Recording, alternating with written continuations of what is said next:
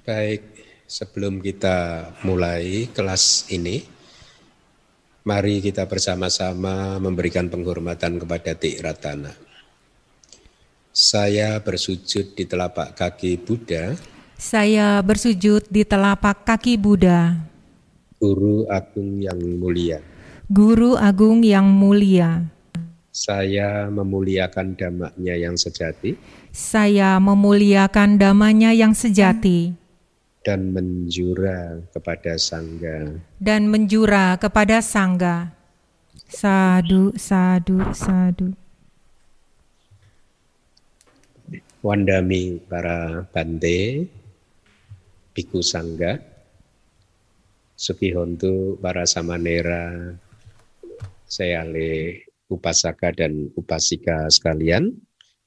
Semoga anda semua pagi hari ini dalam keadaan sehat damai dan bahagia. Kita bertemu kembali di kelas Pariyati Sasana, also known as kelas kajian kitab suci. Bagi saya dan semoga juga bagi Anda, sebagai seorang yang beragama, mempelajari kitab suci selalu menjadi sesuatu yang sangat sangat menyenangkan. Bukan karena sekarang saya menjadi biku saja, sejak kecil. Sejak kecil, setiap kali memegang kitab suci bahkan hanya menyentuh kitab suci saja perasaan yang damai dan bahagia itu muncul. Apalagi ketika mencoba untuk membuka lembar demi lembar, membacanya dan seterusnya. Sampai hari ini, ya, jadi sebagai seorang yang beragama, saya tidak akan lelah-lelah mendorong Anda semua untuk terus mempelajari kitab suci. Ya, Jangan berpikir bahwa oh ya mempelajari kitab suci sulit, lebih enak ceramah yang mudah-mudah saja begitu. Yang menyentuh problem kehidupan sehari-hari. Jangan berpikir seperti itu. Kenapa? Karena ketika Anda mempunyai banyak pengetahuan kitab suci yang benar, Anda bisa mengatasi problem sehari-hari Anda sendiri. Ya. Dengan semua pengetahuan kitab suci Anda, Anda bisa menyelesaikan problem sehari-hari Anda sendiri. Anda tidak lagi bergantung kepada painkiller istilahnya, pusing sedikit minum obat painkiller ya, penghilang rasa sakit. Nanti besok sakit lagi minum lagi painkiller lagi mau sampai kapan kita tergantung pada painkiller seperti itu. Tapi kalau pengetahuan kitab suci Anda sudah lengkap, Anda sudah tidak bergantung lagi pada painkiller-painkiller ya Anda Anda bisa menyelesaikan semua masalah dengan menggunakan pengetahuan yang eh, Anda miliki. Poin yang kedua adalah Anda semua harus melihat bahwa kita ini sedang meniti karir di dalam samsara. Kita sedang meniti karir spiritual di dalam samsara. Samsara itu adalah siklus kelahiran dan kematian ya. Jadi jangan hanya berpikir bahwa kita beragama hanya untuk kehidupan kali ini saja. Jadi lebih baik mencari painkiller pokoknya sakit pusing minum obat pusing minum obat enggak seperti itu. Attitude kita untuk beragama ini. Karena Buddha mengajarkan kepada kita bahwa kehidupan ini berulang-ulang artinya perjalanan putu jana ini masih panjang sekali. Ya, kecuali kita semua mencapai tingkat kesucian arahat maka semuanya selesai. Tetapi bagi putu jana itu perjalanan ke depan itu masih panjang sekali. Renungkan coba direnungkan. Kita pada kehidupan ini kita bertemu berkumpul bersama-sama tetapi setelah kehidupan ini belum tentu kita bisa berkumpul. Kita mungkin berpencar ke tempat yang kali jauh satu dan yang lainnya. Dan mungkin kita bertemu lagi satu miliar tahun ke depan atau satu kalpa ke depan baru bisa bertemu lagi mungkin. tidak bertemu juga kemungkinan tidak bertemu juga ada, coba direnungkan. Oleh karena itulah beragama kita harus menarik perspektif dengan lebih panjang lagi bahwa kehidupan ini berulang-ulang. Jangan menjadi umat Buddha seperti yang disampaikan oleh Venerable Bodhi biku penerjemah kitab suci yang pernah saya uh, saya kunjungi itu beliau menyampaikan kepada saya bahwa di Amerika agama Buddha berkembang tetapi rata-rata mereka nggak mau melihat bahwa kehidupan ini berulang-ulang. Mereka hanya pengen menyelesaikan problem sehari-hari mereka. Mereka stres, gelisah dan lain-lain bagaimana menyelesaikannya. Gitu. Tidak menimbun kebajikan dan lain sebagainya sebagai pro, sebagai modal ya tabungan kebajikan eh, parami dan lain sebagainya untuk eh, pencapaian tingkat kesucian entah kapan pun di kelahiran yang kapan pun di kemudian hari gitu. Jangan seperti itu ya. Jadi oleh karena itulah kalau anda mengerti bahwa kehidupan ini berulang-ulang maka anda akan rajin harapan saya untuk mengumpulkan bekal untuk kehidupan Anda di uh, yang berikut-berikutnya budaya. Sebenarnya secara umum Buddhisme mengajarkan kita pikirkan present moment saja. Oh iya, kita pikirkan present. Kita tidak menutup mata bahwa kelahiran di depan itu masih ada banyak sekali. Ya, oleh karena itu kita harus persiapkan kelahiran-kelahiran ke depan itu dengan sebaik-baiknya.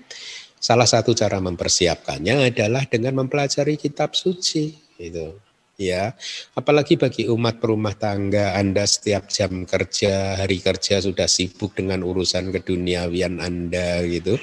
Maka pertemuan di hari Minggu mempelajari kitab suci ini harusnya menjadi eh, pertemuan atau kelas yang ditunggu-tunggu ya oleh Anda semua atau anda tidak ingin melewatkannya, eh, melewatkan kelas ini begitu saja gitu, ya. Nah itu prolognya. eh, pagi hari ini, ya, eh, yaitu Ratana Suta, ya Ratana Suta Yani Dabutani sama Gatani Gun Niwaya Niwa Antalike gitu ya. Saya pernah itu ada di di YouTube-nya di BS itu Anda bisa dengarkan. Jadi ini Suta ini sangat terkenal. Uh, ini adalah suta yang baru saja saya terjemahkan, tetapi saya belum menerjemahkan sutanya. Saya mengambil uh, suta ini dari website websitenya uh, uh, sama Ki Pala. Ya, saya ambil dari sana ya karena uh, uh, saya hanya menerjemahkan kitab komentarnya. Nanti kalau ada terjemahan-terjemahan yang perlu diperbaiki, saya akan memperbaikinya supaya sesuai dengan konteks yang diajarkan oleh guru Atakata. Ya, nah sebelum saya sampaikan uh, penjelasan dari Atakata, saya ingin petugas untuk membacakan sutanya terlebih dahulu. Silahkan. Ratana Sutta, Kudaka Nikaya 5.13, diskursus tentang permata-permata. Makhluk apa pun yang berkumpul di sini, baik dari dunia, baik yang dari dunia maupun dari luar angkasa, semoga semua makhluk itu bahagia. Demikian juga semoga mereka mendengarkan dengan penuh perhatian apa yang dikatakan. Karena itu, wahai para makhluk, perhatikanlah baik-baik Pancarkanlah cinta kasih kepada umat manusia yang siang malam memberikan persembahan kepadamu. Karena itu, lindungilah mereka dengan setulus hati. Harta apa pun yang ada di sini atau di dunia lain, atau permata tak ternilai apa pun yang ada di alam-alam surga, tidak ada satupun yang sebanding dengan Sang Tata Gata. Permata tak ternilai ini ada di dalam Buddha. Dengan kebenaran ini, semoga ada kedamaian. Manusia bijak dari suku Sakya yang tenang pikirannya telah mewujudkan penghentian yang bebas dari nafsu, yang bebas dari kematian, dan luar biasa. Tidak ada sesuatu pun yang sebanding dengan keadaan itu. Permata tak ternilai ini ada di dalam Dhamma. Dengan kebenaran ini, semoga ada kedamaian. Buddha yang agung memuji meditasi murni yang segera memberikan hasil. Tidak ada sesuatu pun yang sebanding dengan meditasi itu. Permata berharga ini ada di dalam Dhamma. Dengan kebenaran ini, semoga ada kedamaian. Delapan individu yang dipuji oleh orang-orang baik terdiri dari empat pasang. Mereka adalah siswa-siswa Sang Buddha yang pantas menerima persembahan. Apa pun yang dipersembahkan kepada mereka akan memberikan buah yang melimpah. Permata tak ternilai ini ada di dalam sangga. Dengan kebenaran ini, semoga ada kedamaian. Mereka yang terbebas dari nafsu semuanya mantap di dalam ajaran Gotama yang berpikiran teguh. Mereka telah mencapai apa yang harus dicapai karena telah menyelam ke dalam nibbana yang bebas dari kematian. Mereka menikmati kedamaian yang dicapai yang tak ternilai. Permata tak ternilai ini ada di dalam sangga dengan kebenaran ini, semoga ada kedamaian. Bagaikan gerbang kota yang berfondasi kokoh, tidak tergoyahkan oleh angin dari empat penjuru, demikianlah kunyatakan bahwa orang yang sepenuhnya memahami kebenaran mulia adalah orang yang baik. Permata tak ternilai ini ada di dalam sangga. Dengan kebenaran ini, semoga ada kedamaian mereka yang dengan jernih memahami kebenaran mulia yang telah diajarkan dengan baik oleh Yang Maha Bijaksana. Betapapun tidak berhati-hatinya mereka itu, mereka tidak akan terlahir untuk kedelapan kalinya. Permata tak ternilai ini ada di dalam sangga. Dengan kebenaran ini, semoga ada kedamaian. Tiga kondisi telah ditinggalkan oleh dia pada saat mencapai pandangan terang, yaitu pandangan salah tentang diri, keraguan, dan pandangan salah bahwa ritual dan upacara dapat menyelamatkan. Dia juga telah sepenuhnya terbebas dari empat keadaan menderita dan tidak dapat lagi melakukan enam kejahatan. Permata tak ternilai ini ada di dalam sangga. Dengan kebenaran ini, semoga ada kedamaian. Kejahatan apa pun yang dilakukan, baik lewat tubuh, ucapan, atau pikiran, tak dapat disembunyikannya. Karena telah dikatakan bahwa tindakan semacam itu tidak mungkin dilakukan oleh orang yang telah melihat sang jalan. Permata tak ternilai ini ada di dalam sangga. Dengan kebenaran ini semoga ada kedamaian. Bagaikan pohon-pohon yang pucuknya berbunga pada bulan-bulan pertama musim panas, Begitu juga ajaran tertinggi yang menuju ke Nibbana ini diajarkan untuk tujuan tertinggi. Permata tak ternilai ini ada di dalam sangga. Dengan kebenaran ini semoga ada kedamaian. Yang luar biasa, yang maha mengetahui, sang pemberi yang luar biasa, dan sang pembawa kesempurnaan telah membabarkan ajaran yang luar biasa. Permata tak ternilai ini ada di dalam Buddha dengan kebenaran ini semoga ada kedamaian. Dengan musnahnya kama lampau, tidak ada kama baru yang dihasilkan, maka pikiran pun tak melekat pada kelahiran di masa depan. Mereka telah menghancurkan benih-benih tumimbal lahir. Nafsu-nafsu tidak lagi muncul dan para bijaksana itu pergi sama seperti lampu ini. Permata tak ternilai ini ada di dalam sangga. Dengan kebenaran ini, semoga ada kedamaian. Makhluk apa pun yang berkumpul di sini, baik yang dari dunia maupun dari luar angkasa, marilah kita menghormat Buddha. Sang Tata Gata dipuja oleh para dewa dan manusia. Semoga ada kedamaian. Makhluk apa pun yang berkumpul di sini, baik yang dari dunia maupun dari luar angkasa, marilah kita menghormat Dhamma Sang Tathagata dipuja oleh para dewa dan manusia. Semoga ada kedamaian. Makhluk apa pun yang berkumpul di sini, baik yang dari dunia maupun dari luar angkasa, marilah kita menghormat Sangga. Sang Tathagata dipuja oleh para dewa dan manusia. Semoga ada kedamaian. Sadu.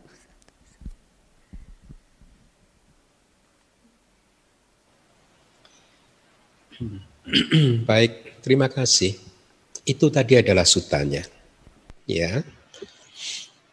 Uh, kemarin di kelas Abidama, saya menyampaikan kepada murid-murid Abidama, mengingatkan bahwa yang kita pelajari ini adalah formulasi atau uh, ya ajaran yang diformulakan gitu oleh yang Arya Sari Puta ya dan penjelasan yang saya sampaikan juga penjelasan dari para arahat yang bahkan sudah ada sejak zaman Buddha.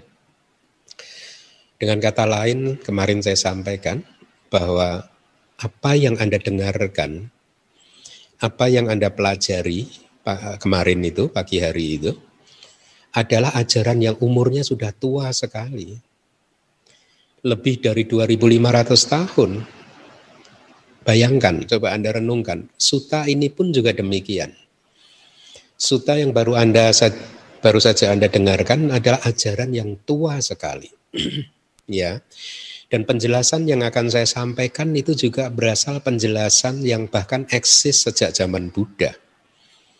Jadi, kata-kata itu tua sekali juga. Anda mendengarkan ajaran yang sama yang didengarkan oleh para murid Buddha lebih dari 2500 tahun yang lalu dan di sepanjang tahun hingga sampai hari ini sama. Itulah mengapa saya mempunyai keyakinan bahwa mendengarkan pariyati yang seperti itu ada seperti ini adalah kebajikan yang sangat besar. Karena kita mendengarkan ajaran yang ada di kitab suci. Nah, tentu saja kejadiannya berbeda. Kalau saya sebagai guru Anda mencoba untuk menginterpretasikan suta ini semau-mau saya atau menurut pikiran saya sendiri. Ini bukan ajaran yang tua. Ini ajarannya Bante Keminda. Ya, ajaran yang sama sekali baru. Dan Bante Keminda ini bukan siapa-siapa. Apa yang Anda dengarkan dari kata-kata ajaran-ajaran saya, interpretasi-interpretasi saya, ya terhadap suta pop, pop ataupun abidama ataupun juga uh, ya ya interpretasi penafsiran atau apa pun ya yang murni muncul dari saya belum tentu itu bermanfaat buat Anda ya. Tetapi ajaran tua ini yang ada di kitab suci yang sudah dijaga kemurniannya oleh sangga sejak lebih dari 2500 tahun yang lalu sampai detik ini masih murni. Ini adalah ajaran yang ketika Anda mendengarkan maka kebajikan ini sangat besar. Ya. Kenapa? Karena Anda mendengarkan ajaran dari Buddha dan ajaran dari para arahat. Bukan ajaran dari Bante Keminda. Ya, ini ajaran dari Buddha dan ajaran dari para arahat. Nah, semoga dengan demikian semangat Anda untuk mempelajari kitab suci menjadi semakin kuat. Baik, sekarang kita lihat kitab komentarnya, kata katanya. Di bagian awal ini, ya, uh, bukan, bukan. uh, kata-kata memberikan pertanyaan seperti biasa, apa asal mulanya? Gitu ya, bagaimana suta ini muncul begitu? Ya. Jadi diceritakan bahwa di masa lalu ya eh, malapetaka yaitu paceklik dan lain-lain muncul di kota Wesali ya. Jadi paceklik dan lain-lain gitu. Kalau upadawa. Upadawa itu biasanya eh, mencakup tiga hal. Roga, manusia, dubika. Itu. Roga itu penyakit. Ak manusia itu eh, malapetaka yang muncul dari makhluk yang bukan manusia. Roh halus gitu mungkin kata orang Indonesia. Tapi yang jahat itu. Roga manusia dubika. Dubika itu paceklik itu tadi Ya. Nah, jadi di masa lalu muncul malapetaka yaitu paceklik dan lain-lain di kota Wesali. Ya. Untuk meredakannya, orang-orang Licawi, jadi ini orang-orang Licawi ini kayak pangeran dari satu kerajaan tertentu gitu, pergi ke Raja Gaha, memohon kepada Buddha, Begawan, dan kemudian membawa Buddha ke kota Wesali. Ketika telah tiba di kota Wesali, Buddha menyampaikan diskursus permata ini, Ratana Sutta ini, untuk meredakan malapetaka-malapetaka tersebut. Jadi ini adalah asal mulanya yang ringkas. Jadi ringkasnya seperti itu. Akan tetapi guru-guru di zaman kuno, di zaman Buddha dulu, telah menjelaskan asal mulanya dengan detail sekali, dimulai dari cerita tentang kota Wesali, tentang munculnya kota Wesali. Cerita tersebut harus dipahami sebagai berikut. Diceritakan bahwa permaisuri Raja Baranasi atau Waranasi, Benares sekarang menjadi kota Benares di India, sedang hamil. Menyadari kehamilannya, Permaisuri menginformasikannya kepada raja. Raja kemudian memberikan perawat-perawat dan penjaga-penjaga kehamilan permaisuri. Jadi permaisuri yang sedang hamil muda dirawat dan dijaga oleh uh, para pengawal uh, sebaik-baiknya. Dalam keadaan yang dirawat dan dijaga dengan baik seperti itu, ketika tiba waktunya untuk melahirkan, permaisuri masuk ke ruang persalinan ya. Jadi bagi perempuan yang memiliki kebajikan itu dikatakan di atas kata. Jadi bagi perempuan atau ibu-ibu yang memiliki kebajikan, bayinya akan timbul dari kandungan di waktu pagi-pagi sekali, menjelang matahari terbit, katanya seperti itu. Ya. Jadi permaisuri ini adalah salah satu dari perempuan yang seperti itu, yang memiliki kebajikan gitu, sehingga menjelang fajar menyingsing, dia melahirkan akan tetapi dia hanya melahirkan segumpal daging saja yang menyerupai bunga e, banduk jiwika bahasa palinya. Saya googling banduk jiwika itu kayak bunga e, China rose. Jadi China rose gitu banduk jiwika ya. Yang terselimuti dengan lapisan lek LAC. Lek itu kayak lapisan yang ini loh cairan berwarna merah tua untuk stem itu, untuk stempel itu, kira-kira begitu warnanya. Kayak jubah-jubah Myanmar begitu, merah-merah marun gitu ya. Jadi dia hanya melahirkan segumpal daging, itu menurut pikiran si permaisuri, ya. Kemudian permaisuri berpikir ratu-ratu yang lain melahirkan putra-putra yang berwujud seperti boneka dengan warna kuning keemasan. Tetapi permaisuri utama hanya melahirkan segumpal daging saja karena dia permaisuri utama, ya. Saya bisa disalahkan di hadapan raja karena kejadian ini. Dia berpikir seperti itu, ya. Nah, oleh karena ketakutan untuk disalahkan tersebut, permaisuri meletakkan gumpalan daging tersebut di sebuah bejana, di sebuah tempat, ya. Menutupnya dengan benda lain rapat-rapat dan kemudian mencapnya, menstempelnya dengan segel raja, ya. E, zaman dulu ada ada stempel raja, segel raja ya. I, uh, saya rasa Tiongkok juga raja-raja Tiongkok mempunyai segel-segel raja seperti itu kan ya. Dan kemudian dia menghanyutkannya di arus sungai Gangga. Jadi bayinya tadi, gumpalan dagingnya tadi dibuang oleh permaisuri karena takut dimarahi oleh raja, dikecam, dicela dan lain sebagainya.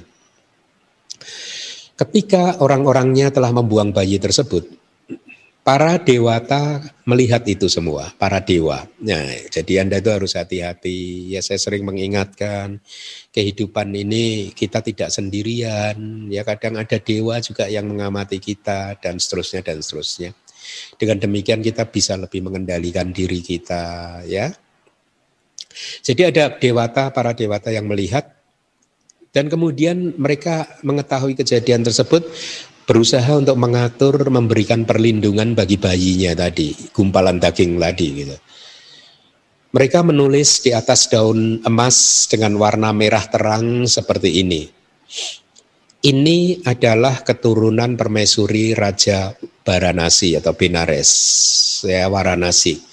Jadi dewa pun bisa menulis seperti itu sesuai kitab kata-kata ini ya. Dan kemudian mengikatkannya ke bejana yang berisikan bayi tersebut. Bejana tersebut akhirnya terus hanyut terbawa arus sungai, arus sungai Gangga tanpa gangguan oleh uh, arus sungai atau apa pun itu juga ya. Sekarang pada waktu itu seorang pertapa hidup di pinggir sungai Gangga dengan bergantung pada keluarga peternak sapi, gembala sapi.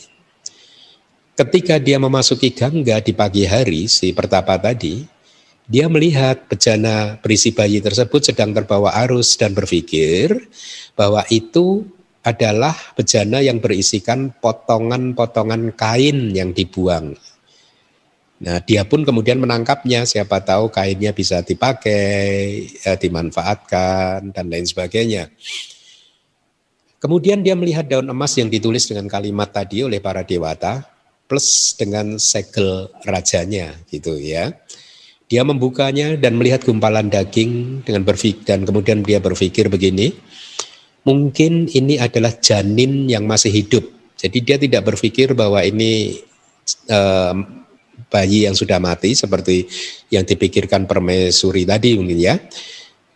Karena tidak ada bau busuk gitu si pertapanya berpikir.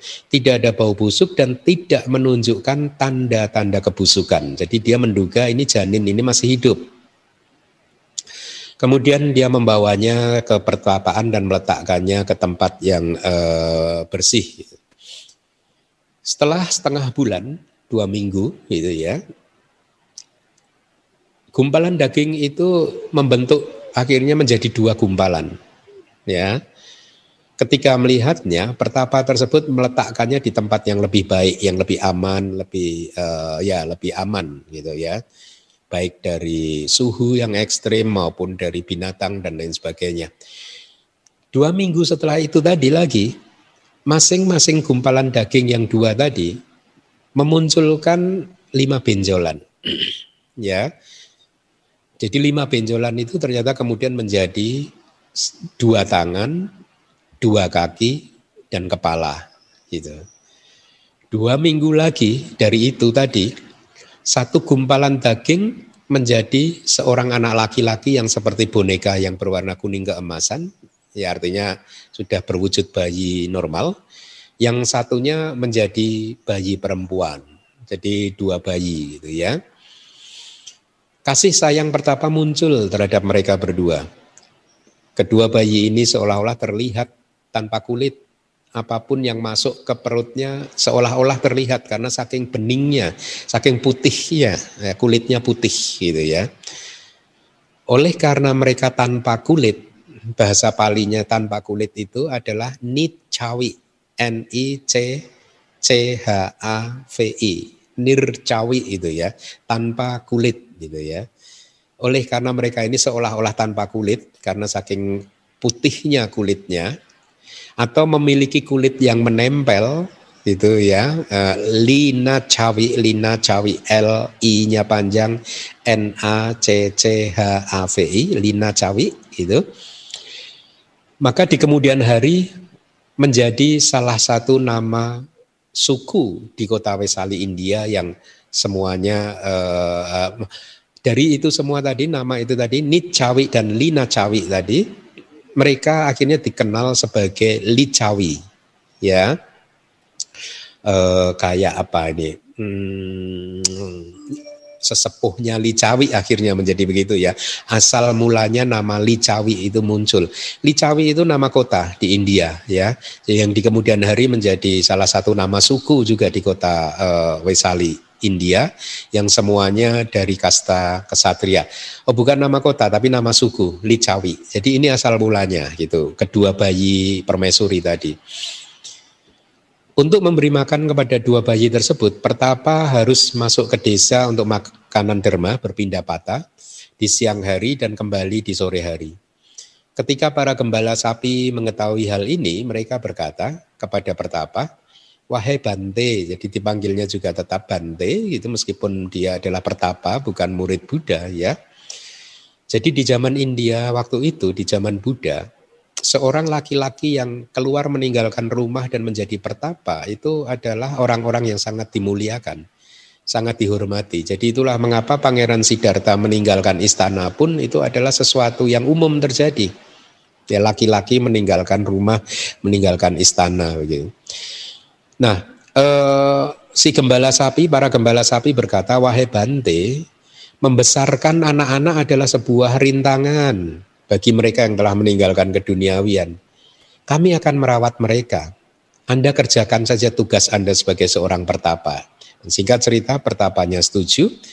Kemudian para gembala sapi yang telah menyenangkan raja menerima satu wilayah sebagai hadiah. Jadi uh, dia dapat hadiah dari raja nih para gembala sapi ini. Uh, hadiahnya berupa satu wilayah tanah begitu ya. Akhirnya mereka membuat kota di tanah tersebut dan ketika pangeran berusia 16 tahun, mereka mengangkatnya sebagai raja. Mereka menikahkannya dengan seorang perempuan dan berjanji seperti ini, tidak boleh ada gadis dari luar yang dibawa masuk ke sini sebagai pengantin perempuan dan tidak boleh ada gadis dari tempat ini dibawa keluar untuk dinikahkan dengan laki-laki dari luar. Nah, kota ini berkembang dan karena berulang kali mengalami perluasan ya seperti zaman modern ini juga banyak kan kota yang mengalami perluasan gitu, mengalami pemekaran gitu. Bahasa palinya mengalami pemekaran itu adalah wisali kata ya. Maka kota ini akhirnya dikenal sebagai kota Wesali sesuai dengan namanya. Jadi tadi asal usul Licawi, sekarang asal usul Wesali. Saya pikir di Indonesia juga banyak kota-kota yang asal usulnya seperti itu, yang saya ketahui seperti Semarang, eh, Solo, Surakarta, Solo Tigo, Ambarawa, Boyolali, itu semua mempunyai sejarah-sejarah yang mirip-mirip seperti itu gitu, seperti yang tadi sudah saya sampaikan. Jadi demikianlah cerita asal mula lahirnya kota Wesali. Nah, ketika Buddha Gotama muncul di kota Wesali ini, ya ketika Buddha Gotama muncul, kota Wesali ini sudah menjadi kota yang sangat makmur dan berkembang penuh. Gitu. Banyak orang tinggal di kota ini, banyak makanan tersedia di kota ini, dan dikatakan bahwa di kota ini memiliki ini angkanya itu eh, seragam semua. Di kota ini memiliki 7.707 raja ya. Jadi mungkin di sana ada banyak kerajaan atau mungkin pangeran-pangeran gitu ya. 7.707. Juga mereka mempunyai 7.707 pangeran, 700 7.707 senapati, 7.707 bendaharawan dan lain sebagainya. Di sana juga katanya ada 7.707 gedung atau rumah besar, kemudian 7.707 rumah biasa, 7.707 taman, kemudian juga 7.707 kolam teratai. Pada suatu hari di kota ini ada paceklik, ya, yaitu tadi eh, ini ini merujuk sekarang kepada eh, paceklik yang tadi di awal sudah saya sampaikan, ya, kenapa Ratana Sutta dibabarkan oleh Buddha gitu ya. Jadi di kota Wesali ini pada suatu hari ada paceklik, kekurangan makanan, kekeringan, kemarau panjang, dan gagal panen. Ya, Pertama-tama efeknya adalah orang-orang yang jahat mati. Ketika orang-orang yang jahat mati ini jasad-jasad atau mayat-mayat mereka dibuang keluar. Oleh karena bau busuk mayat-mayat dari manusia-manusia itu, makhluk yang ak manusia a manusia yang bukan manusia ini merujuk kepada mungkin ya kalau kalau orang Indonesia bilang makhluk halus yang jahat itu ya. Makhluk halus yang jahat atau mungkin di sini eh, asura yang yang jahat begitu ya. Memasuki kota Wesali karena bau mayat busuk tadi ya. Jadi akhirnya ak manusia masuk ke kota Wesali Singkat cerita, kemudian lebih banyak lagi orang-orang yang mati, gitu. Dan karena keadaan yang menjijikkan tersebut, maka efeknya adalah terjadi wabah pes, penyakit menular yang disebabkan oleh uh, apa itu kutu-kutu tikus mungkin ya gitu ya tikus ya pes. Jadi wabah pes pun muncul. Jadi kota Wesali pada waktu itu diserbu oleh tiga bahaya, yaitu paceklik, makhluk halus yang jahat, dan penyakit. Itu ya. Singkat cerita warga kota Wesali menemui raja dan berkata wahai raja ada tiga bahaya telah muncul di kota ini. Sebelum ini tidak pernah ada, bahkan hingga tujuh generasi ke belakang, keluarga kerajaan ke belakang pun hal seperti itu belum pernah terjadi. Sepertinya ini terjadi karena perbuatan Anda yang tidak adil, kata rakyat. Gitu. Nah rajanya tidak defensif, dia introspeksi, mungkin mereka benar. Akhirnya raja memanggil semua pembantunya ke gedung pertemuan dan berkata, tolong kalian investigasi apakah ada keadaan yang tidak adil yang telah saya lakukan. Mereka menginvestigasinya dan tidak menemukan apa pun. Oleh karena tidak menemukan penyebabnya, lalu mereka berpikir, bagaimana kita bisa meredakan bahaya-bahaya ini, itu ya, paceklik dan lain sebagainya tadi. Di antara mereka ada beberapa orang yang menyarankan untuk memanggil enam guru kontemporer yang hidup di zaman Buddha. Jadi di zaman Buddha itu ada selain Buddha di India itu uh, pada zaman Buddha itu dikatakan tingkat uh, spiritualitas orang India pada waktu itu sangat maju sekali, ya. Jadi tidak hanya Buddha yang terkenal, tapi juga ada enam guru yang juga sangat terkenal yang hidup di zaman Buddha pada waktu itu, yaitu Purana Kasapa, Makali Gosala, kemudian Ajita Kesakambala, Kakuda eh, Kacayana, Niganta Nataputa, dan Sanjaya Belataputa. Itu ada enam ini juga sangat terkenal. Ya muridnya juga banyak. Jadi ada beberapa orang yang menyarankan untuk memanggil mereka, ya Terus sambil berkata, ketika mereka masuk kota pasti bahaya rendah, kata orang-orang gitu ya. Beberapa orang yang lain muncul dan berkata, no, Buddha benar-benar telah muncul di dunia ini. Buddha ini mengajarkan dhamma demi kesejahteraan, kesejahteraan semua makhluk. Beliau memiliki kekuatan batiniah dan keagungan yang besar. Ketika beliau memasuki kota, semua bahaya pasti reda. Ya. Mereka senang dengan ide mendatangkan Buddha ini dan berkata, akan tetapi di manakah Buddha sekarang tinggal? Ketika kita ke sana, apakah beliau mau datang ke sini?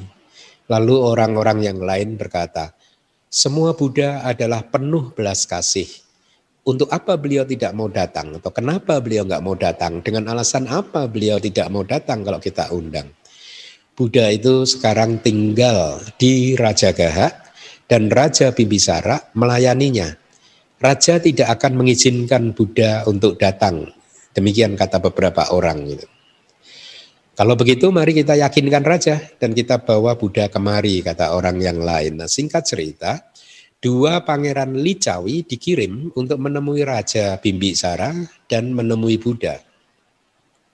Seperti yang sudah diduga, Raja tidak setuju, tapi dia berkata bahwa Walaupun dia tidak setuju, raja tidak setuju, tapi raja menyarankan kepada mereka dua pangeran Licawi tadi untuk langsung saja menemui Buddha, gitu ya, dan menanyakannya. Gitu.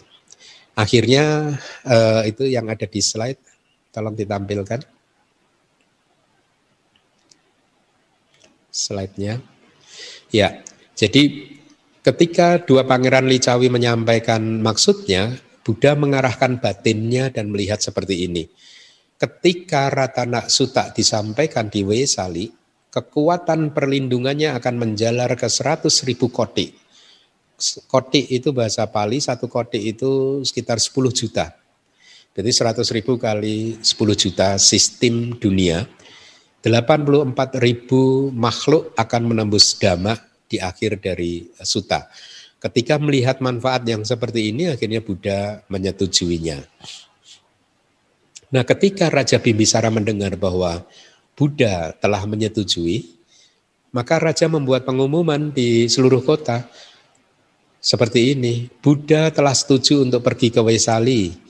Raja pun kemudian mempersiapkan jalan untuk kepergian Buddha. Kemudian Raja Bimbisara merapikan jalan di sepanjang Raja Gaha menuju ke Sungai Gangga, membangun wihara di setiap yojana dan mengumumkan hasil keberangkatan Buddha. Buddha kemudian berangkat diiringi 500 biku. Raja menemani perjalanan hingga lima hari, hingga mencapai tepi Sungai Gangga dan memberikan persembahan yang besar-besaran di tepi Sungai Gangga tersebut, ya, persembahan kepada Buddha. Raja pun sudah menghias perahu yang akan dinaiki oleh Buddha dan mengirimkan pesan ke penduduk Wesali bahwa Buddha telah tiba di tepi sungai Gangga. Penduduk Wesali memutuskan akan melakukan persembahan dengan besar-besaran juga, tidak mau kalah gitu. Bahkan dikatakan di dalam kitab komentar kalau Raja Bimbisara melakukan persembahan seperti itu kita dobelkan, kita dua kali lipatkan e, persembahan kita gitu. Mereka juga merapikan jalan antara Wesali dan Sungai Gangga, menyediakan payung putih, empat payung untuk Buddha dan dua payung untuk masing-masing biku mereka pergi ke tepi sungai Gangga dan menunggu di sana. Raja Bimbisara berkata, wahai Bante, saya akan tinggal di tepi sungai ini hingga Buddha kembali. Ya, jadi raja menunggu ya. Para dewata di atas hingga surga Akanita. Surga Akanita itu di alam uh, Sudawasa ya. Uh, yang hanya ditinggali oleh para anagami. Jadi para dewata hingga ke surga Akanita melakukan persembahan kepada Buddha. Naga pun juga melakukan persembahan kepada Buddha. Para raja Licawi melakukan persembahan akhirnya dua kali lipat seperti yang mereka omongkan tadi dibanding Raja Bimbisara. Mereka masuk ke air sungai Gangga hingga mencapai sebatas lehernya demi menyambut Buddha. Seketika pada saat itu Awan mendung yang tebal sekali muncul di empat penjuru. Petir menyambar-nyambar. Persis ketika Buddha menginjakkan kakinya di tepi sungai Gangga, ya, eh, ketika dijemput oleh eh, yang dijemput oleh para raja Licawi itu tadi, hujan yang luar biasa besarnya turun. Dikatakan bahwa mereka yang ingin berbasah-basahan pun basah, tetapi mereka yang tidak menginginkannya tidak basah tidak menginginkannya untuk basah ya tidak basah. Air mengalir di mana-mana hingga setinggi pergelangan kaki.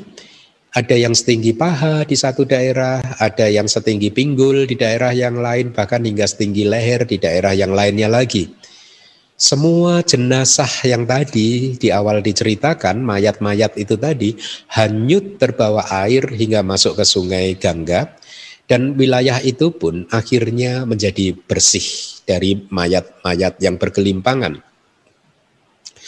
Ketika Buddha tiba di Licawi, Saka, raja para dewa, datang dengan diiringi oleh rombongan para dewa, dan karena kekuatan para dewa tersebut, sebagian besar makhluk halus yang jahat itu tadi lari terbirit-birit, gitu ya. Nah, dengan berdiri di pintu gerbang kota, Buddha memanggil Ananda Tera atau yang Arya Ananda Tera dan kemudian berkata di slide. Ya, tolong slide-nya.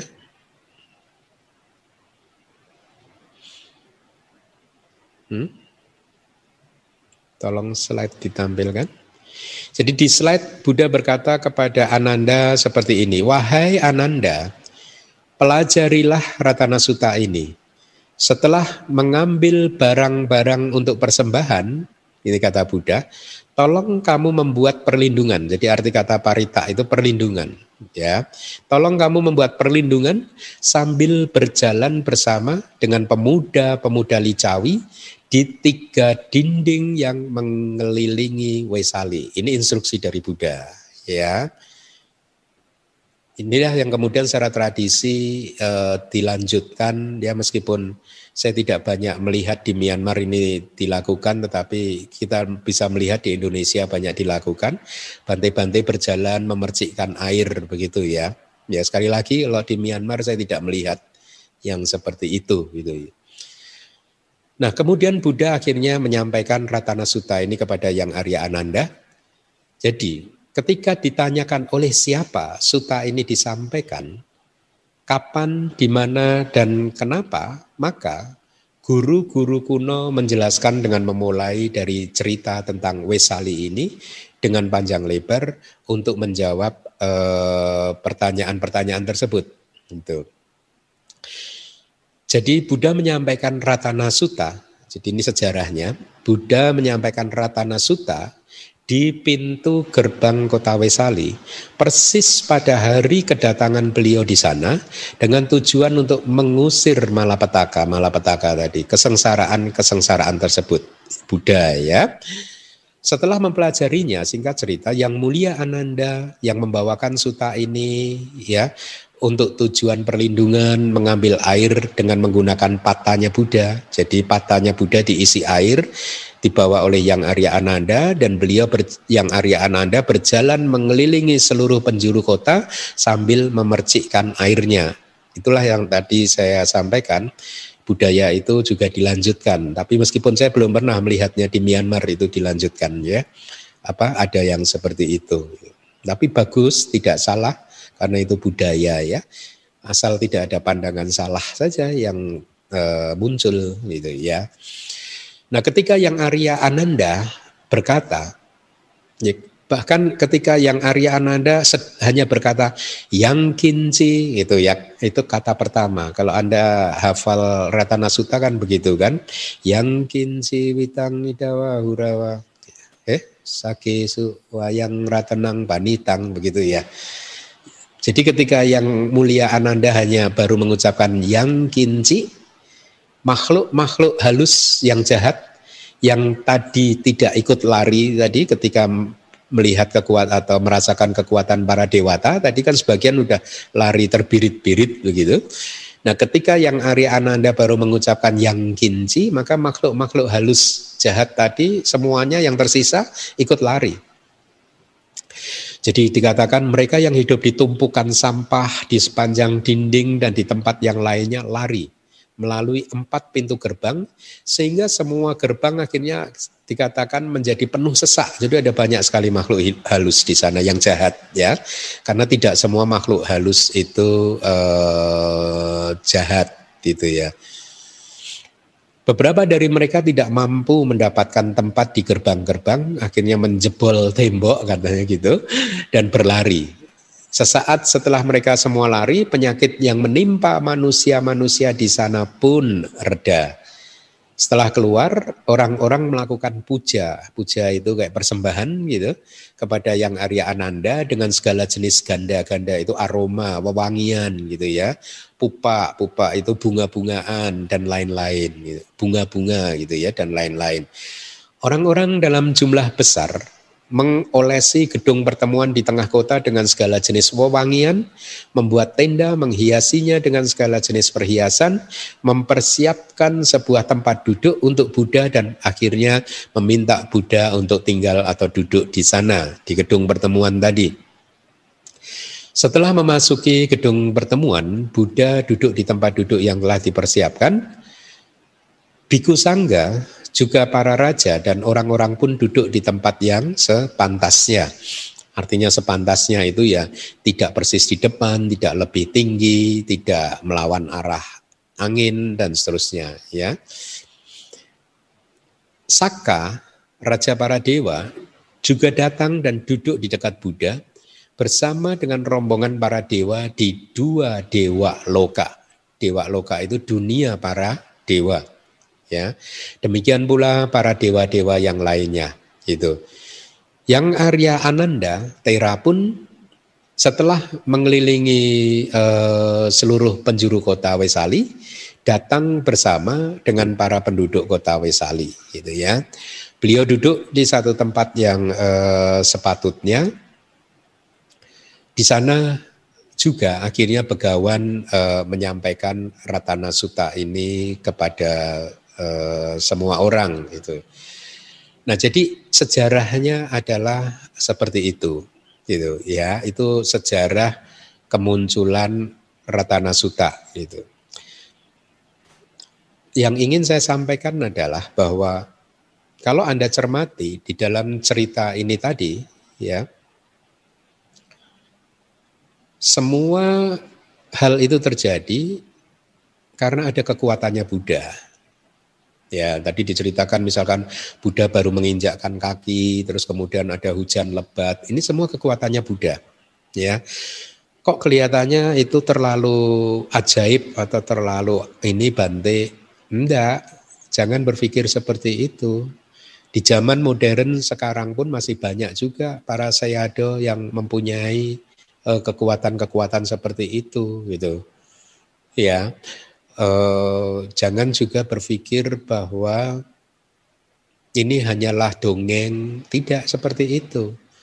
Banyak para sayado yang juga dikelilingi oleh para dewa, bisa berkomunikasi dengan para dewa, ya, dilindungi bahkan oleh para dewa. Itu jadi bukan dongeng.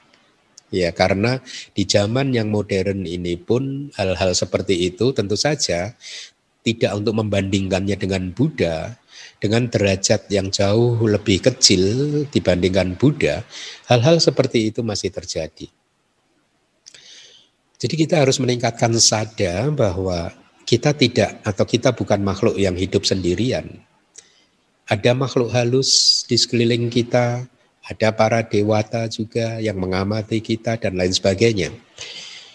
Bahkan eh, hmm, di salah satu kitab komentar yang lain, bukan dari kitab Ratana Sutta, ya, merenungkan bahwa ada dewa itu juga bermanfaat untuk memunculkan hiri dan otapa kita. Ya, hiri dan otapa itu adalah rasa malu untuk berbuat jahat dan rasa takut untuk berbuat jahat atau takut terhadap konsekuensi atau akibat dari perbuatan jahat. Jadi hiri dan otapa bisa dimunculkan dengan merenungkan hal-hal seperti itu bahwa ada dewa yang mengetahui kalau kita berbuat jahat. Atau juga dengan merenungkan ada sangga, ada sayado yang mungkin mempunyai kekuatan abinya yang bisa membaca pikiran kita, yang mengetahui apa yang kita pikirkan. Jadi dengan merenungkan hal-hal seperti itu, maka kita akan menjadi lebih terkendali jadi Anda boleh praktekkan hal seperti itu karena kadang sering saja orang itu melakukan kebajikan dengan berpikir bahwa toh tidak ada satu orang pun yang mengetahuinya. Tapi kalaupun benar tidak ada orang yang mengetahuinya, kan paling tidak Anda atau si pelaku sendiri mengetahui bahwa dia dirinya sendiri sudah melakukan kejahatan kan? Ya. Nah, kembali lagi. Kalau Anda cermati cerita ini tadi, ini semua karena kekuatannya Buddha. Ya, bahwa ketika Buddha menginjakkan kaki akhirnya turun hujan dan mayatnya kemudian eh, apa eh, bangkai-bangkai yang berserakan di jalan kemudian eh, bukan bang eh, hanyut ke sungai Gangga dan akhirnya kota menjadi bersih penyakitnya akhirnya hilang eh, makhluk halus makhluk halus yang jahat akhirnya lari. Itu kan di samping satu karena kekuatan dari para dewata ya. Yang kedua karena kekuatan dari parita yang dibaca Ananda, yang Arya Ananda, yang membaca yang Arya Ananda. Ketika yang Arya Ananda berkeliling memercikkan air kota Wesali. Itu. Jadi komponen-komponen ini semua tidak boleh kita lupakan bahwa eh, kejadian-kejadian hilangnya eh, penyakit makhluk halus dan juga paceklik eh, dengan adanya hujan deras turun akhirnya musim kemaraunya yang panjang uh, berhenti dan akhirnya tanaman-tanamannya tumbuh subur lagi. Itu karena kekuatannya Buddha. Gitu ya. Apakah Bante Keminda percaya? Iya saya percaya saya percaya. Kenapa? Ya karena bahkan di zaman modern pun kita masih bisa menyaksikan. Sekali lagi tentu tidak untuk membebat dibandingkan uh, murid-muridnya ya.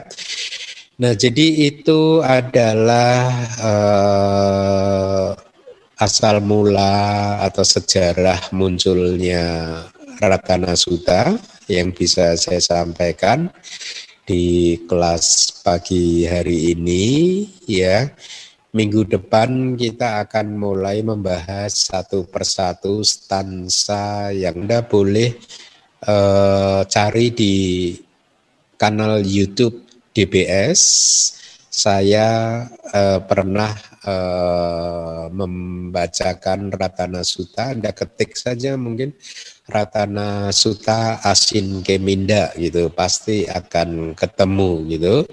Kalau tidak salah ya, kalau tidak salah ya, mungkin ada juga subtitlenya, tapi saya lupa. Kalau tidak salah karena saya saya tidak ingat persis apakah Ratana Sutta ini termasuk yang ada subtitle title-nya gitu. Tapi kalaupun tidak ada, Anda bisa cari dengan mudah itu di internet Ratana Sutta, tapi yang versi Myanmar. Kalau yang versi Myanmar itu ada kalimat pembukanya gitu ya.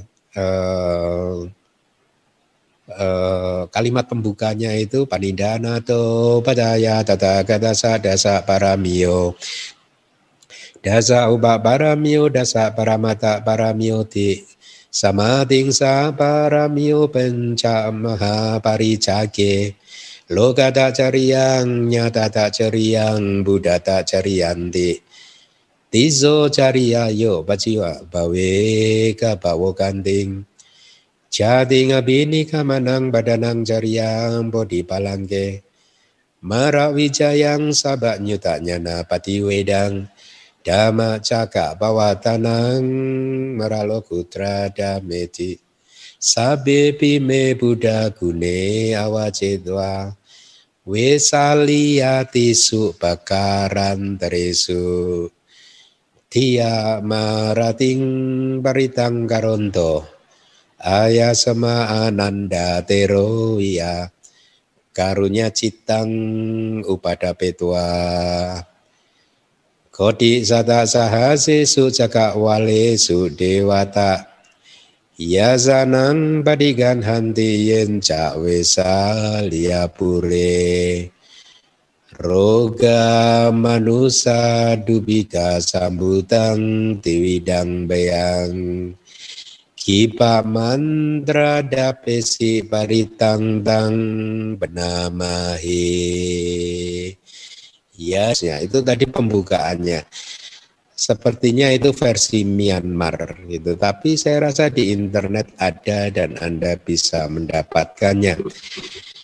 Baik, semoga apa yang saya sampaikan pagi hari ini bisa menjadi kondisi yang sangat kuat guna pencapaian maga, palak, dan ibana Anda semua saat Sadu, sadu, sadu. Anumodana Bante atas penjelasan suta yang telah disampaikan kepada kami. Sungguh menarik sekali karena kita semua dapat mengetahui latar belakangnya dari uh, kata uh, dari kitab komentar yang telah Bante sampaikan. Semoga kami semua mendapatkan manfaat tertinggi dari pendengaran dhamma ini. Bagi kalian mita yang membutuhkan slide kelas Pariyati Sasana ini, dapat mengunduhnya di website DBS www.damawihari.or.id atau di, di, berada di tautan pada setiap YouTube yang terter yang kami unggah.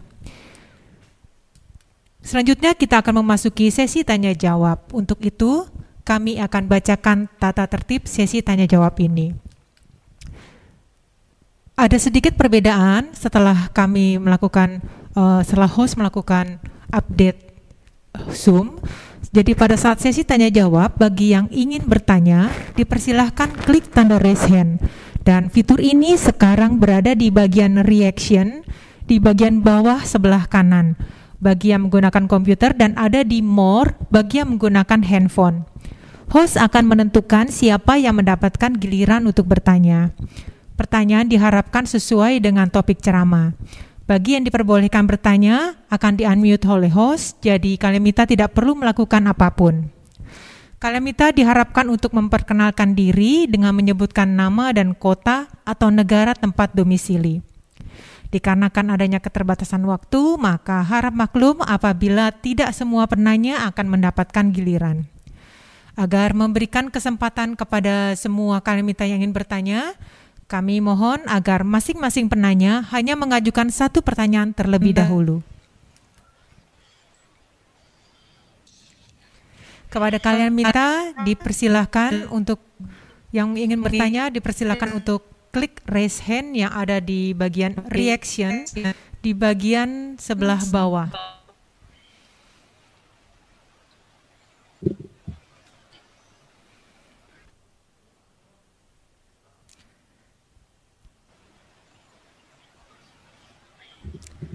Oke.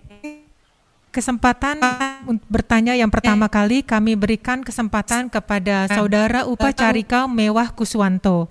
Kepada Saudara Kuswanto kami persilakan.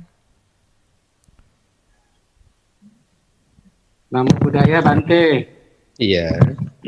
Iya, saya mau tanya ini Bante.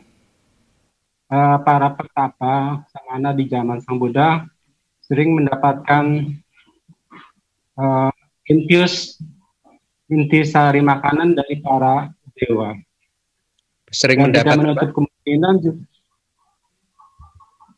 sering mendapatkan infuse sari makanan dari para dewa. sari makanan dari para Jadi dewa. tidak Iya. Jadi tidak tidak menutup kemungkinan juga di kehidupan kini di zaman sekarang ini.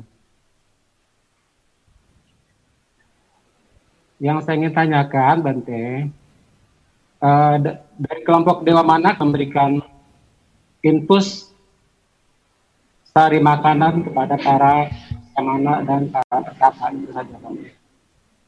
Terima kasih, Bante. Iya. Oke. Sudah ya, itu saja ya. Oh, oke. Eh, pertama mungkin harus diluruskan. Para dewa itu kalau memberikan kalau para dewa memberikan sari makanan tidak ada murid Buddha yang tahan. Manusia nggak ada yang tahan gitu ya karena eh, eh, kelembutannya begitu ya. Eh, maka hanya Buddha saja yang bisa mengambil sari makanan yang ditambahkan oleh eh, dewa dewi cakrawala cakrawala yang lain juga dari sistem dunia yang lain juga gitu. Eh, biasanya tidak disebutkan secara spesifik apakah itu tawatingsa atau tusita atau mana tetapi bahkan disebutkan para dewa dari 10.000 cakrawala berkumpul ya kemudian ikut berdana makanan ini dan itu begitu. Ya sampaikan Bapak ya semoga menjawab pertanyaan Anda. Terima kasih, Bante. Kemudian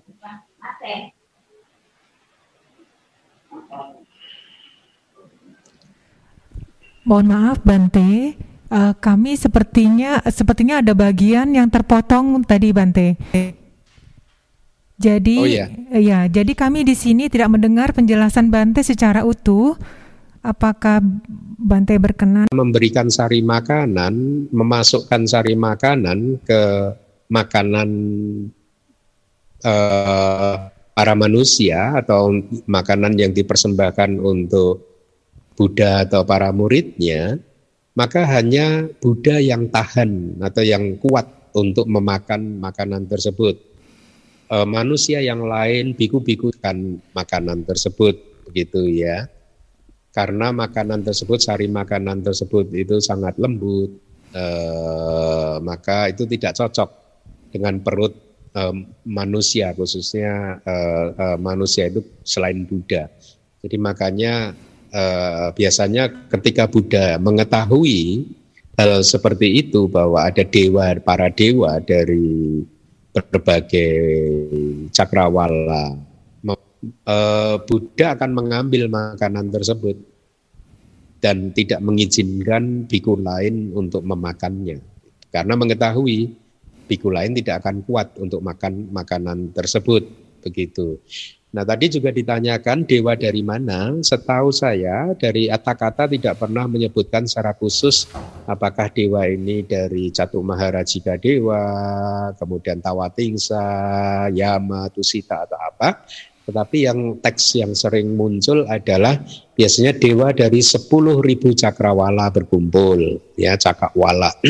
cakrawala itu sistem dunia, satu sistem dunia gitu yang terdiri dari 31 alam kehidupan. Nah ini dari 10.000 atau kadang 100.000 atau kadang kodik satak sahasa itu berarti ya kodik satak 100.000 kali 10 juta, satu triliun ya itu mungkin ya dari cakrawala berkumpul dan berbondong-bondong memasukkan sari makanan kepada makanan yang dipersembahkan kepada sangga dan uh, seperti itu seing, sejauh yang saya ingat tidak pernah disebutkan dari bumi mana tetapi bahkan dari cakrawala cakrawala cakrawala bahasa Pali sih cakrawala itu sistem dunia. Begitu mudah-mudahan Terima kasih Bante. Terima kasih Bante. Uh, sepertinya jaringan di tempat uh, Bante di Megabendung kurang begitu baik ya Bante sehingga uh, sejak tadi kita juga ada sedikit kadang-kadang tidak tidak stabil Bante. Uh, sejak tadi, Tapi setidaknya untuk penjelasan terakhir tadi stabil Bante. Cukup bisa kita dengarkan dengan baik Bante. Apakah Saudara Kuswanto telah cukup bisa kita Apakah Saudara Kuswanto telah jelas dengan apa yang dibabarkan Bante? Dibabarkan Bante.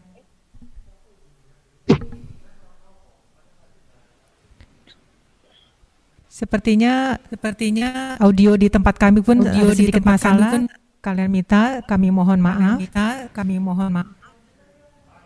Oke, selanjutnya adalah kepada saudara Teddy Tahir, kami persilakan. Baik, terima kasih atas kesempatannya buat kami Bante. Nah, Bante, saya setelah mendengar sejarah Ansuta ini mungkin banyak muncul pertanyaan umum gitu Nah, menurut Bante, apakah Ratana Sutta itu dapat menyembuhkan penyakit? Nah, ini kan sering digunakan oleh masyarakat untuk melantunkan jika ada yang sakit, melantunkan Ratana Sutta, rekomendasinya begitu. Jadi, sehingga uh, masyarakat bisa memiliki pandangan yang benar, apakah weather true or not begitu. Jadi apakah sama katakan itu berarti kita memohon kepada kota caranya kepada dewa yang membantu kita atau kita yang mensugesti diri kita sendiri sehingga kita menjadi kedengaran ya Bante? Iya, sudah. Pertanyaannya itu. Ya. Dengar dengan. Oke. Okay. Uh, siapa? Teddy ya. Ya Bante, ya. saudara Teddy. Tadi ya, Bante, saudara saya. Teddy. Tadi saya secara khusus mempunyai maksud juga untuk menekankan kepada siapa pun bahwa satu siapa yang menginstruksikan faktor itu adalah faktor satu faktor. Ya. Waktu itu nah ada Buddha. Kemudian siapa yang membaca itu juga faktor lain Waktu itu yang membaca adalah yang Arya, Ananda atas permintaan Buddha.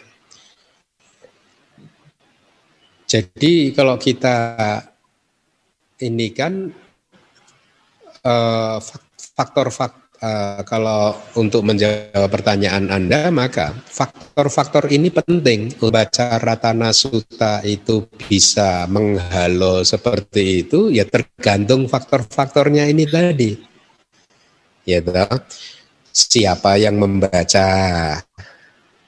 Ya kemudian uh, ya lebih pada kekuatan dari siapa yang membaca. Ya. Saya tidak mengatakan bahwa baca Ratana Sutta akan bisa menghalau uh, roga manusia dubika itu penyakit makhluk halus dan juga paceklik, maka itu eh, terlalu jauh untuk berpikir seperti itu. Nah, harus dibedakan bahwa membaca pari, uh, parita itu sendiri itu adalah kebajikan.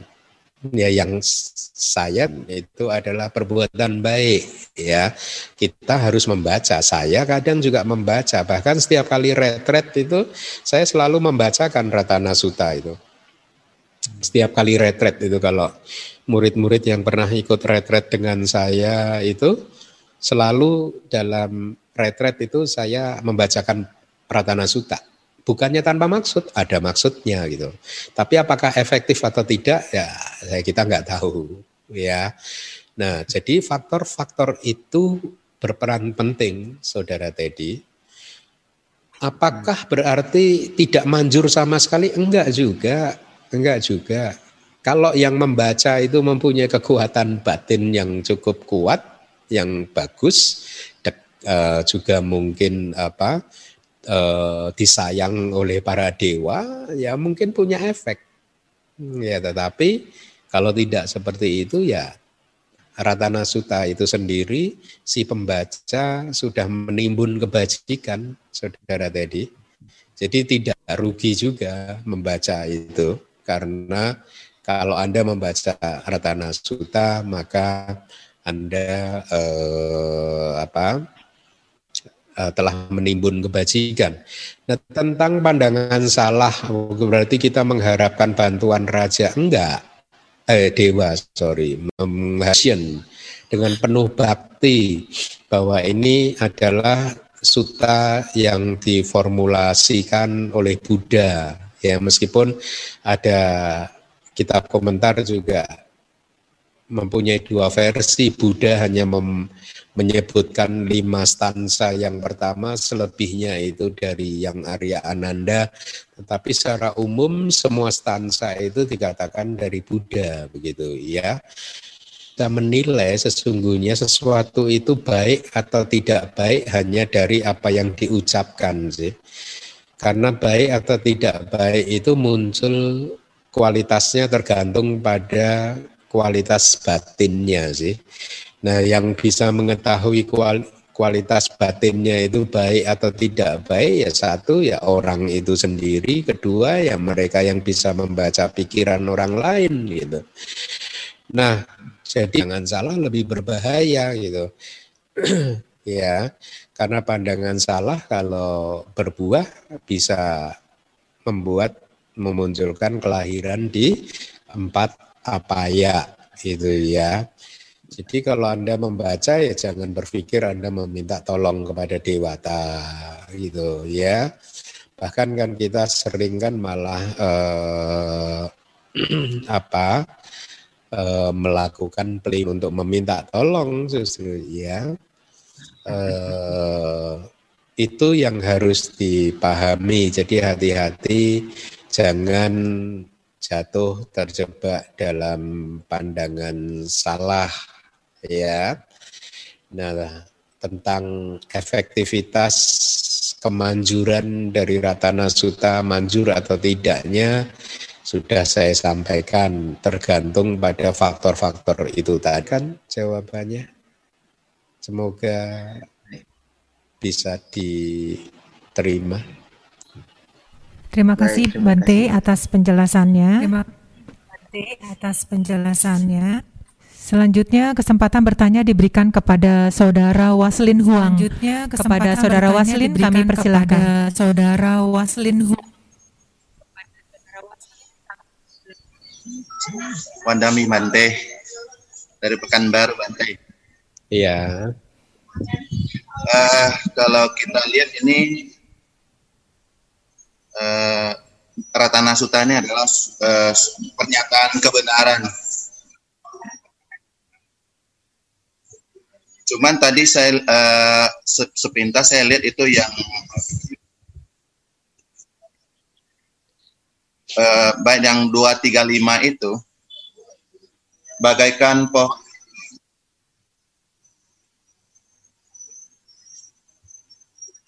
Itu ada pernyataannya uh, bagaikan pohon-pohon yang pucuknya berbunga pada bulan, bulan pertama musim panas. Di bawahnya itu ada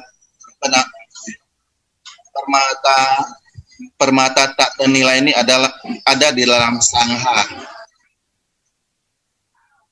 di Parita itu itu penyataannya adalah idame bude bude ratanang panitang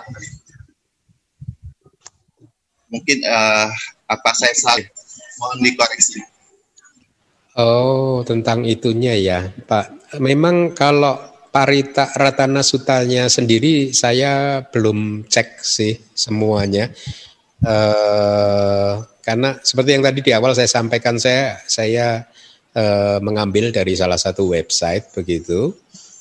Uh, saya belum cek satu persatu gitu. Nanti biasanya kalau sudah masuk ke pembahasan setiap stansanya Bapak akan saya sesuaikan dengan kitab komentarnya.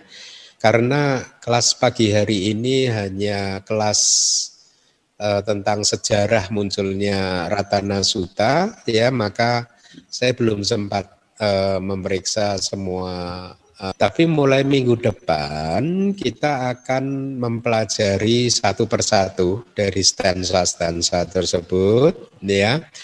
Nah dari sana nanti biasanya uh, makna yang akurat akan ketahuan, Bapak. Jadi untuk sekarang memang uh, saya belum me, apa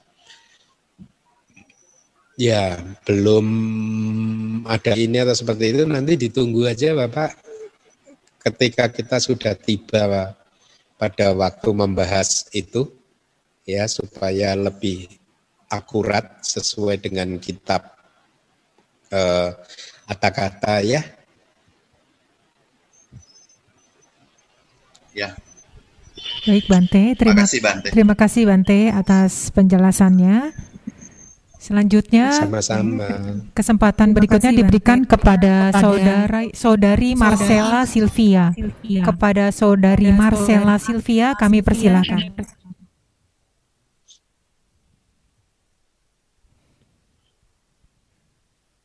Wandami Bante. Iya.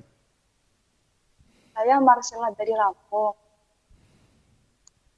Mm -hmm. Saya mau bertanya Bante uh, tentang wipaka cita. Tentang Kenapa apa? di aku salah cita wipaka? Wipaka cita. Wipaka. Wipaka kita. Resultan. Iya, okay. Bante. Iya, Bante. Nah, yang mau saya tanyakan, di aku salah cita, buahnya hanya berupa hetu. Oh, yang mau saya tanyakan, Kenapa di aku salah cita buahnya hanya berupa ahetuka cita saja? Sedangkan kalau aku salah cita buahnya dapat berupa ahetuka dan sahetuka. Hmm, ya ya ya. Terima kasih Lanteha. baik baik. kalau saya tidak salah mendengar ya karena anda juga agak pecah tadi suaranya, jadi anda bertanya tentang wipaka cita. Kenapa di akusala cita buahnya hanya ahituka, tetapi kalau yang di mahakusala cita atau akusala cita yang lain ya um, mahakusala ya buahnya ada yang ahituka dan juga ada yang uh, memiliki akar gitu ya. Ahituka itu kan tanpa iya, akar. Baik, jadi ini sesungguhnya adalah bagi yang lain kalau Anda tidak begitu mengerti terminologi ini yang ditanyakan ini adalah uh, tentang abidama begitu ya. Yang ditanyakan adalah uh, tentang abidama. Nah, kalau ditanyakan bahwa uh, aku salah cita kenapa buahnya hanya ahituka? Hmm, kalau saya tidak salah ingat, ini karena sesungguhnya sesungguhnya kekuatan dari aku salah itu tidak sedemikian hebat, tidak sehebat kesadaran yang baik. Ya. Kalau kesadaran yang kusala itu kekuatannya itu berlipat ganda, jauh sesungguhnya itu jauh melebihi kekuatan dari aku salah cita.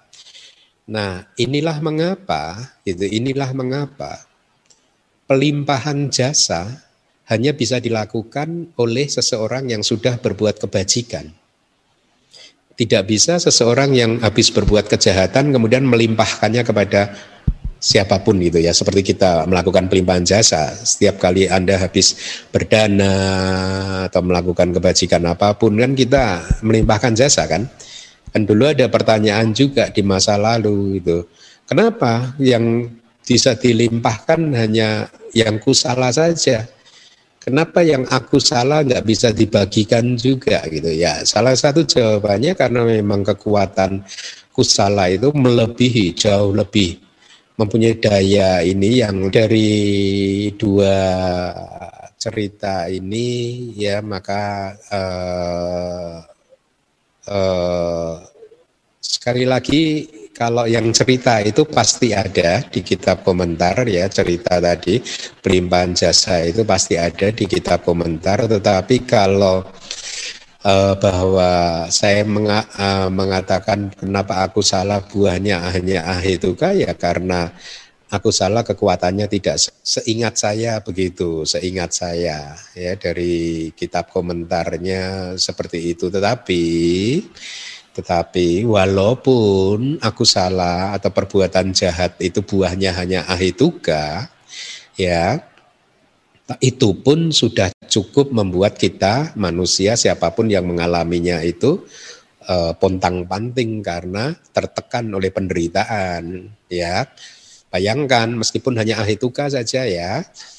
Kalau seseorang yang karma buruknya banyak yang berbuah dia akan banyak melihat objek-objek yang tidak menyenangkan akan sering berada di dalam di suatu tempat di mana dia sering mendengar suara yang tidak menyenangkan, mencium bau-bauan yang tidak menyenangkan, menikmati rasa makanan yang yang tidak menyenangkan atau menyentuh dengan kulit sentuhan objek-objek sentuhan yang e, menyakitkan itu pun sudah cukup membuat seseorang tidak nyaman. Walaupun buahnya hanya e, itu ahituka karena Meskipun itu buahnya hanyalah ahituka tanpa akar, bagi orang-orang yang tidak terampil di dalam menerapkan Yoniso Manasikara, maka dia akan bereaksi nanti dengan aku salah cita lagi. Itu. Jadi dari ahituka wipaka yang muncul, kesadarannya menanggapi objek-objek yang tidak menyenangkan, ketika sampai di jawana, di impuls, dia bereaksi dengan aku salah cita. Nah itu semakin melipat gandakan penderitaan kesengsaraan dari yang bersangkutan gitu karena reaksi-reaksi aku salah dia itu tadi dan dia akan terus menerus menciptakan eh, apa putu jana akan sering hidup di apa ya dibandingkan mereka keluar untuk lahir sebagai manusia. Dipersilakan jika ingin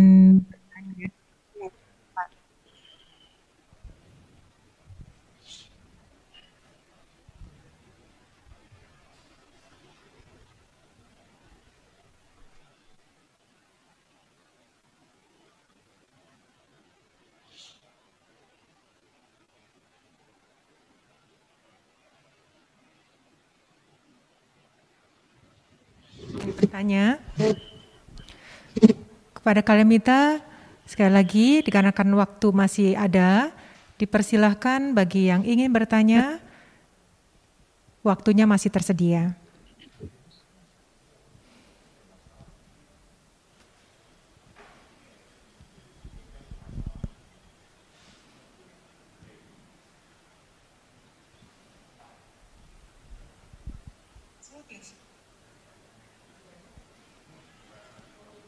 Oke, kesempatan oke bertanya kesempatan berikutnya diberikan kepada saudara Indra Atmadi. Kepada saudara Indra Atmadi. Kepada saudara Indra kami persilakan. Nama budaya Kepada saudara Bante. Indra kami persilakan. Nama budaya Bante. Saya Indra dari Padang Sidempuan. Saya ingin menanyakan tentang arti dari um, ketika Ratana Sutta disampaikan di Vesali, kekuatan perlindungannya akan menjalar ke 100 ribu sistem dunia. 84 ribu makhluk akan menembus dhamma.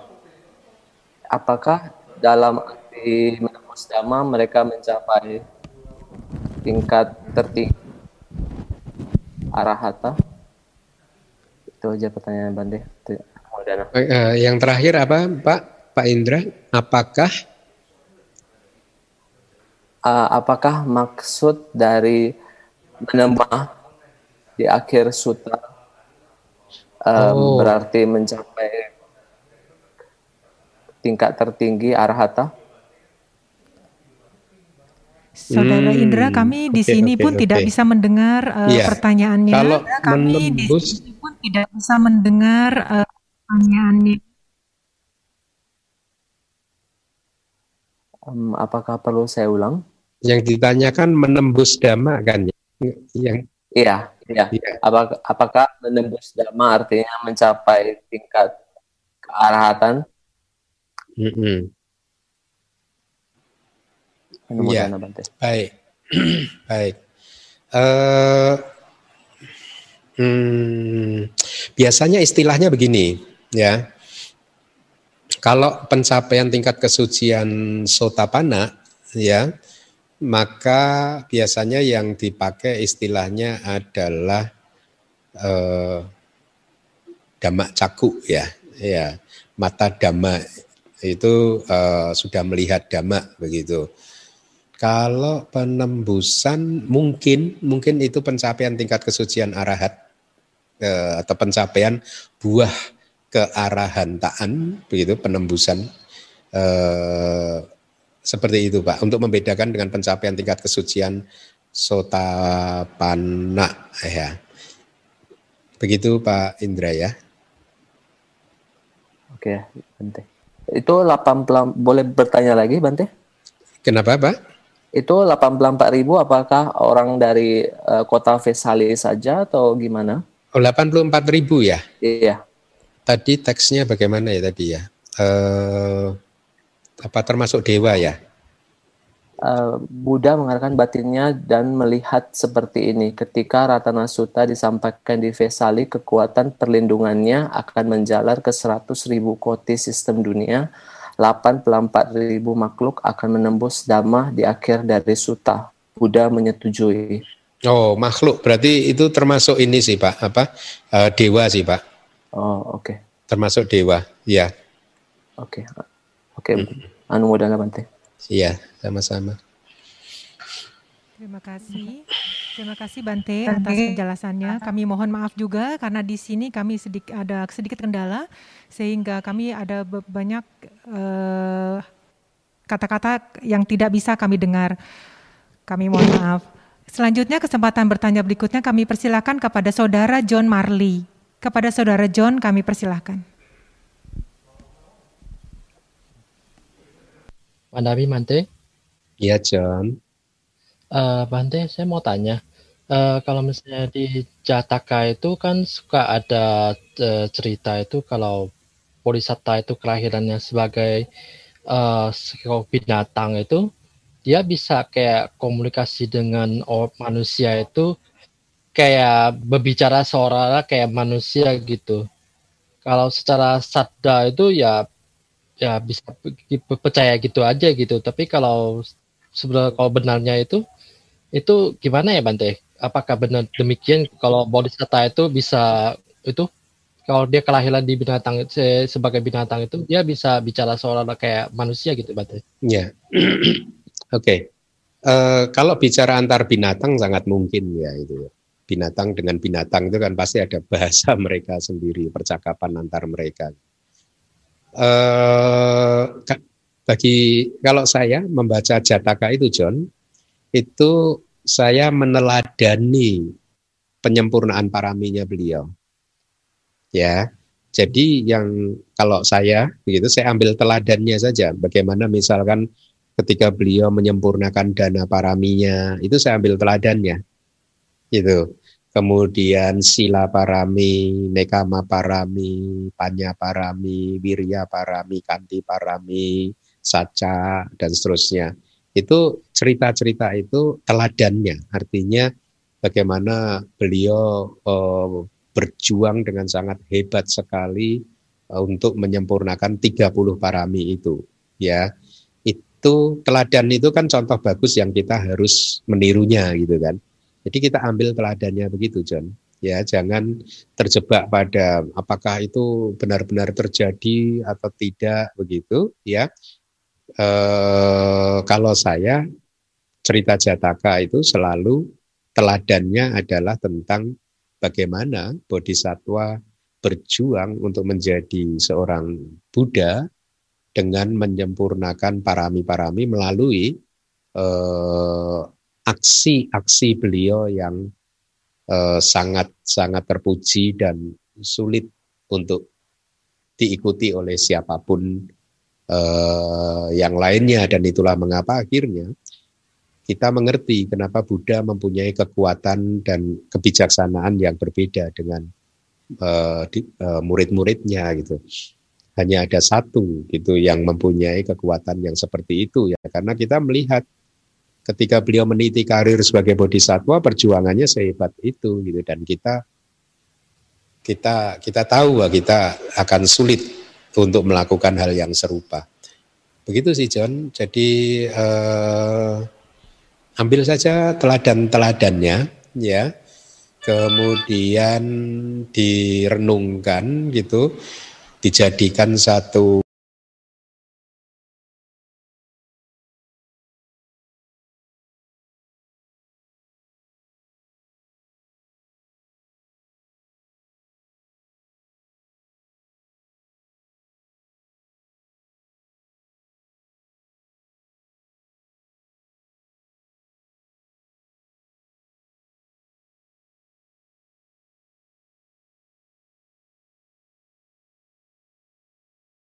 pertanyaan tersebut. Apakah ada kalian minta yang masih ingin bertanya karena waktu masih tersedia? Kami sekali lagi mohon maaf karena ada beberapa kendala di sini di DBS juga sehingga kami banyak tidak mendengar pertanyaan maupun jawaban dari Bante. Oke, kesempatan bertanya berikutnya kami persilahkan kepada Saudara Teddy Tahir. Kepada Saudara Teddy Tahir kembali kami persilahkan. Baik, Wandami Bante, saya ingin melanjutkan pernyataan Bante tadi. Nah, yeah. Iya. uh, kalau sekarang kan ada, sekarang umat kan sering membawa uh, para biku untuk membacakan parita-parita di suatu tempat begitu ya. Mungkin mau blessing dan yang lain-lainnya di rumah-rumah begitu. Nah, pertanyaan saya Bante kan itu kan faktor tuh. Salah satu kok tadi yang Bante katakan itu faktor. Mungkin kalau biku ini punya pencapaian tertentu kan berarti kan bisa lebih efektif lah. Bisa kan hmm. efektif begitu ratana sutanya kan. Faktornya kan sudah terpenuhi begitu. Ya. Biarpun hmm. tidak mungkin tidak sehebat yang mulia Ananda. Nah, eh, bagaimana jika mem kalau wabah itu Artinya kalau misalnya ada suatu tempat, suatu tanah yang memang diperkirakan tidak tumbuh atau mungkin mau menumbuhkan sesuatu itu lalu membacakan Ratana Sutta dan e, bisa mengubah artinya kita mengubah alam begitu Bante. Apakah itu memungkinkan? Misalnya tanah gambut atau tanah apa yang sebenarnya diprediksi itu tidak bisa ditumbuhkan sesuatu terus e, dengan adanya blessing Artinya this is something speculation begitu Bante, tapi ya mungkin ini sering terjadi di masyarakat. Mungkin ini pandangan-pandangan di masyarakat yang sering kita jumpai juga. Hmm. Ya. Begini, saya ini orang matematis Saudara Teddy, ya. Dengan dengan tidak mengurangi rasa hormat saya kepada ajaran Buddha, kepada sangga, ya, kepada uh, termasuk Buddha yang memformulasikan Ratana Sutta itu sendiri Cobalah kita lihat sejak COVID-19 ini merajalela, berapa banyak orang yang membaca Ratana Sutta ya. di muka bumi ini. Selesai nggak problemnya? Ya, selesai nggak problemnya? Saya sejak awal tidak pernah menganjurkan. Tapi sekali lagi, kalau saya mengatakan begini bukan tidak sedang tidak menghormati ya, tapi pakai logika saja lah gitu ya. Di negara Buddhis semuanya membaca Ratana Sutta juga di, uh, di Indonesia juga disarankan, tapi saya tidak pernah menyarankan kepada umat-umat juga di DBS untuk membaca Ratana Sutta. Yang selalu saya tekankan ikuti protokol kesehatan, bla bla bla bla bla, ikuti informasi dari pemerintah ya. Uh, get yourself uh, be well informed gitu, kumpulkan semua informasi yang penting, kemudian lakukan sesuai dengan informasi-informasi yang ini. Tidak semata-mata membaca Ratana Sutta. Ya, meskipun saya dalam kondisi-kondisi khusus saya membaca Ratana Sutta juga. Yang saya meyakininya itu juga memang mempunyai kekuatan gitu karena dari pengalaman-pengalaman uh, selama ini begitu ya. Nah, uh, sekali lagi kalau saya apa yang saya sampaikan ini bukan tidak menghormati tetapi mencoba untuk menggunakan uh, teori kemungkinan gitu ya. Uh, data sudah cukup sejak satu tahun yang lalu COVID-19 muncul mungkin hampir 90 persen mungkin umat Buddha mungkin membaca Ratana Sutta katakanlah. Gitu. Tapi kan tidak berpengaruh apa pun juga begitu ya. COVID-nya tetap saja belum hilang, korban makin banyak dan seterusnya. Tentu saja kita kalau membaca Ratana Sutta kan bukan untuk diri kita sendiri kan, tapi untuk banyak orang, untuk siapa pun itu juga gitu ya. Nah, terhadap pertanyaan Anda, tentang misalkan ada tanah yang tidak subur kemudian dibacakan apakah itu lalu bisa eh, menjadi subur? Ya Anda sudah menjawab sendiri karena faktor-faktornya itu tadi gitu ya. Kalau Buddha kan tadi kemarau panjang begitu Buddha menginjakkan kaki hujan turun. Iya toh hujan turun akhirnya kemaraunya selesai ya, akhirnya tanaman tumbuh lagi. Tapi apakah di zaman sekarang nggak ada yang bisa begitu ada saudara Teddy, hmm. ada. Saya juga percaya ada. Gitu. Tetapi possibility-nya, possibility-nya, ya, possibility-nya itu seberapa besar. Artinya juga ketersediaannya misalkan katakanlah para bante yang bisa seperti itu itu satu dibanding berapa juga yang mana juga kita juga eh, tidak mengetahuinya begitu ya.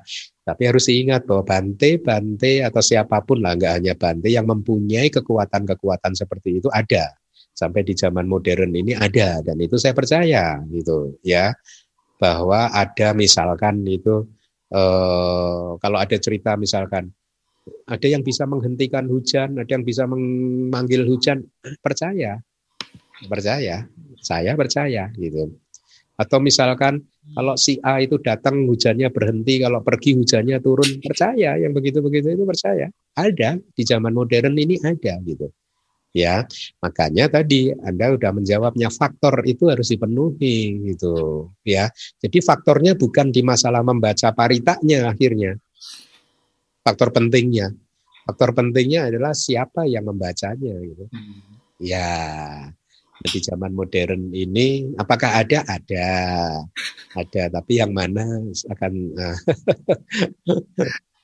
Ya, begitu sih saya pikir itu logika logika itu lebih lebih baik dipahami seperti itu bahwa pada waktu itu yang melakukan adalah Buddha dan yang Arya Ananda begitu.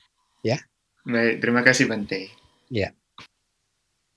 Terima kasih Bante atas penjelasannya. Uh, selanjutnya kesempatan bertanya yang terakhir kami berikan kepa kembali kepada saudara Upacarika Mewah Kuswanto. Kepada saudara Kos Kuswanto kami persilakan kembali.